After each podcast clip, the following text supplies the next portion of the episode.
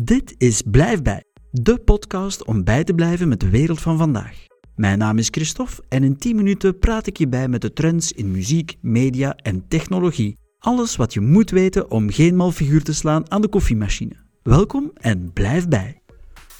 Welkom bij Blijf Bij, onze eerste jubileumaflevering, want dit is nummer 10 in deze reeks. Een dikke merci aan iedereen die luistert en ook feedback geeft. En wat dat betreft, laat zeker nog jullie reacties maar komen via Facebook, Instagram of christophe.blijfbij.be. En op, we zijn vertrokken.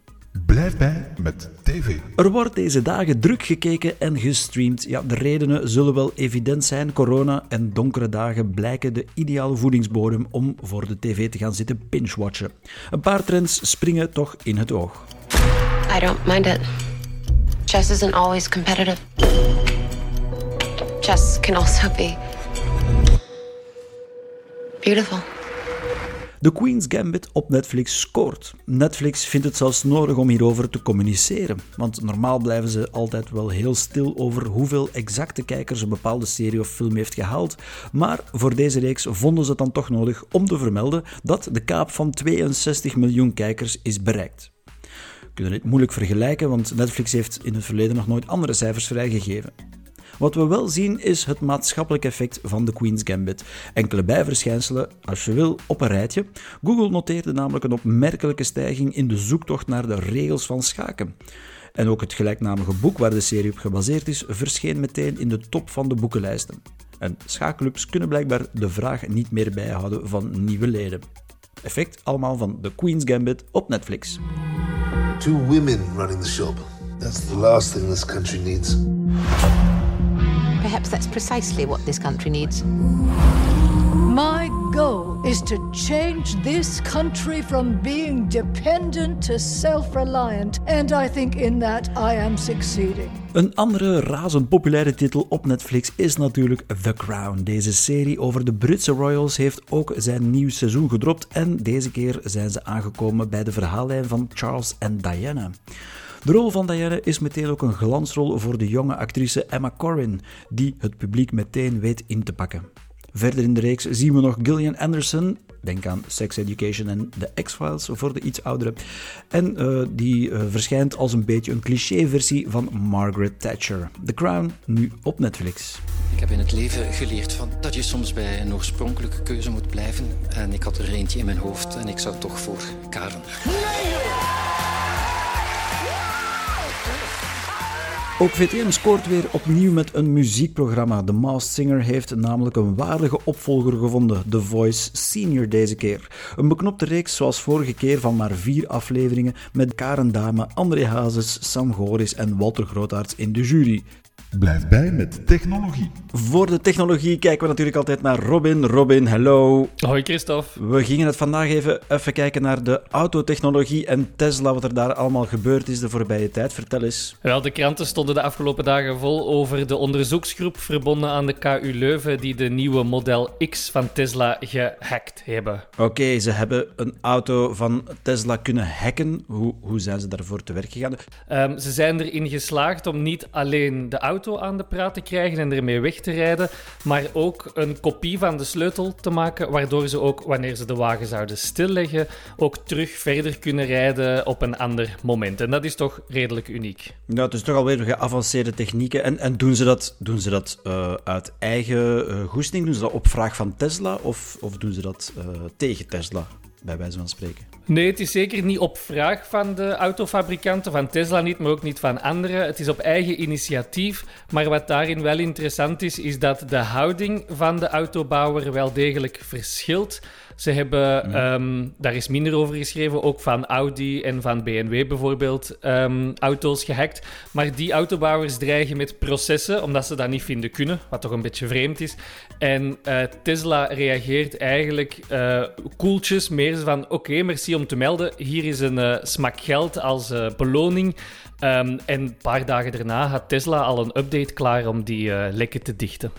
Oké. We kijken ook nog even naar Apple, wat er daar allemaal gebeurt uh, met hun commissiesysteem. Wat weten we daarover? Ja, dat wordt stevig gevochten, hè, eh, Christophe. Um, er zijn een mhm. aantal grote bedrijven, zoals Fortnite en daarachter het bedrijf Epic uh, Games, Spotify, maar ook Microsoft, die uh, rechtszaken aanspannen omdat het commissiesysteem, dat is 30%, dus al de inkomsten die zij verdienen via Apple, waar moeten ze dan 30% aan Apple voor afstaan? Die hebben zich verenigd in de Coalition for App Fairness om te zeggen van, hé, hey, dat kan toch niet, hè, zoveel geld. Uh... En Apple uh, wil niet echt toegeven, maar kwam uh, wel plotseling met een verlaging van de commissie voor kleine ontwikkelaars. Die zullen in de toekomst maar 15% in plaats van 30% moeten um, betalen. En dat gaat voor ontwikkelaars die minder dan een miljoen dollar omzet genereren. Dus zeker niet voor die grote klagers van daarnet. Niet die grote. Nee.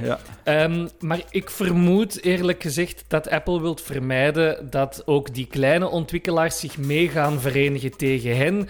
En ze toch proberen om een aantal, of toch een groep aan hun zijde te houden. Um... Dat de coalitie niet te groot wordt uh, tegen Apple. Oké, dat is heel duidelijk. Dankjewel Robin. En graag tot volgende keer. Dag Christophe. Blijf bij met literatuur. Aan de andere kant van onze virtuele studio hebben we Sarah de Vos. Zij is onder andere schrijfster, ze tekent ook, ze is natuurliefhebber en oprichter van het fenomeen Zondag Bosdag. Welkom Sarah. Dank u. We gaan het later nog even hebben over je eigen werk, maar jij wou het met ons wel hebben over een boek dat je zelf gelezen hebt. Vertel. Uh, wel, ik wou het met jou hebben over het Zoutpad. Um, Een heel tof boek. Je moet het echt eens lezen, maar de kans bestaat wel dat je dan zelf op wandeltocht wil trekken. Oké, oké. Eh, deze vrouw, de schrijfster Rainer Wynn, mhm. dat is een Engelse vrouw en die is met haar man alles kwijtgeraakt wat ze hadden. Dus hun huis. Uh, die man is ziek en het enige wat er nog te doen staat, zoals zij het aanvoelt, is uh, een staptocht te maken. Echt een wandeltocht met een tentje langs de South West Coast pad. En dan, ja, dit boek gaat over alles wat zij daar meemaken. Het is, geen, het is geen roman, het is echt een verslag van wat ze met haar leven heeft meegemaakt. Ja.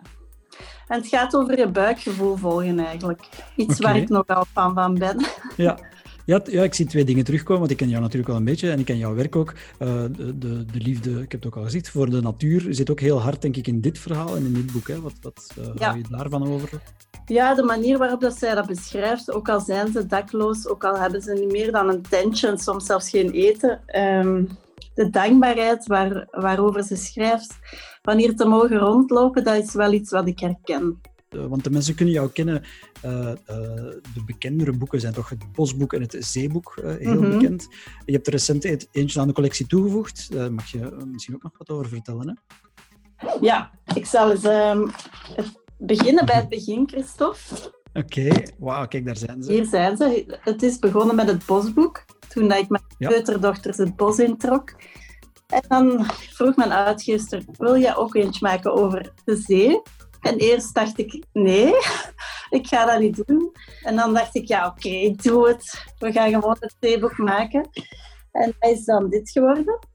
Uh, waar ik ook heel blij mee ben. Telkens iets van bijgeleerd. En nu is er het logische vervolg. het ja, ruimteboek. Het bos gehad, de zee is gepasseerd. We kijken met onze blik naar boven. Ja. Of zelfs heel ver naar boven. Het ruimteboek is al ver. Um, maar voor mij gaat het eigenlijk meer om iets te begrijpen van alles wat daar rondom ons is. Het bos dichtbij voor veel mensen. Wordt ook veel bijbesteld nu met uh, corona, dat mensen gaan wandelen in het bos. Kan ik mij zeker inbeelden. Uh, zee, dat is ook iets waar iedereen wel eens een paar keer per jaar naartoe gaat.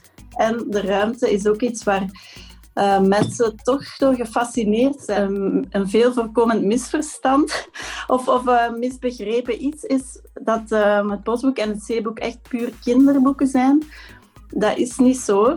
Dat is eigenlijk een boek dat ik heb geschreven voor mezelf.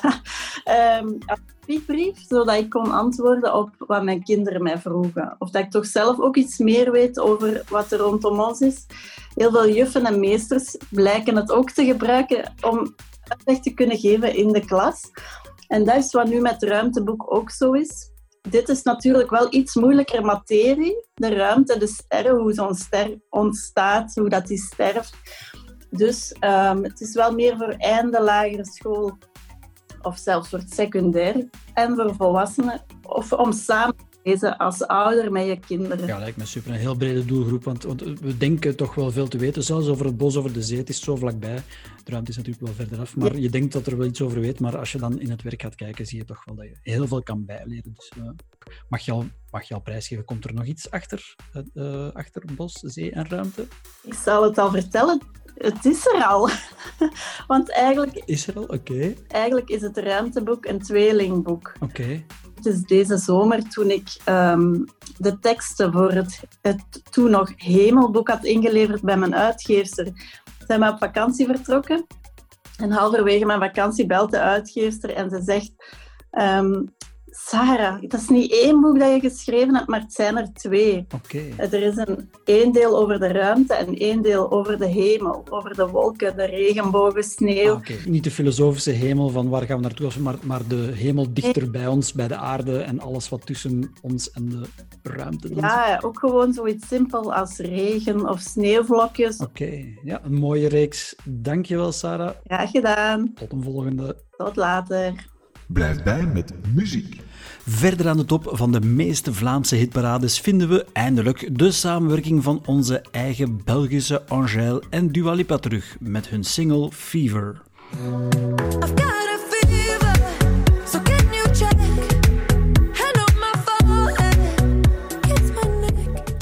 Bij Stubru zijn het ook potentieel kandidaten voor de Voice Senior die aan de top van de afrekening staan. ACDC scoren opnieuw met hun nieuwe nummer Shot in the Dark.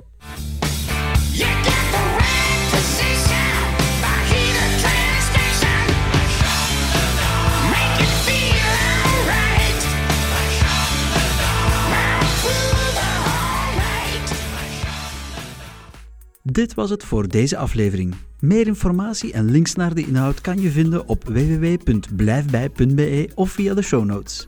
Volg ons ook op Facebook of Instagram. Dit was Blijf bij, de podcast om bij te blijven met de wereld van vandaag.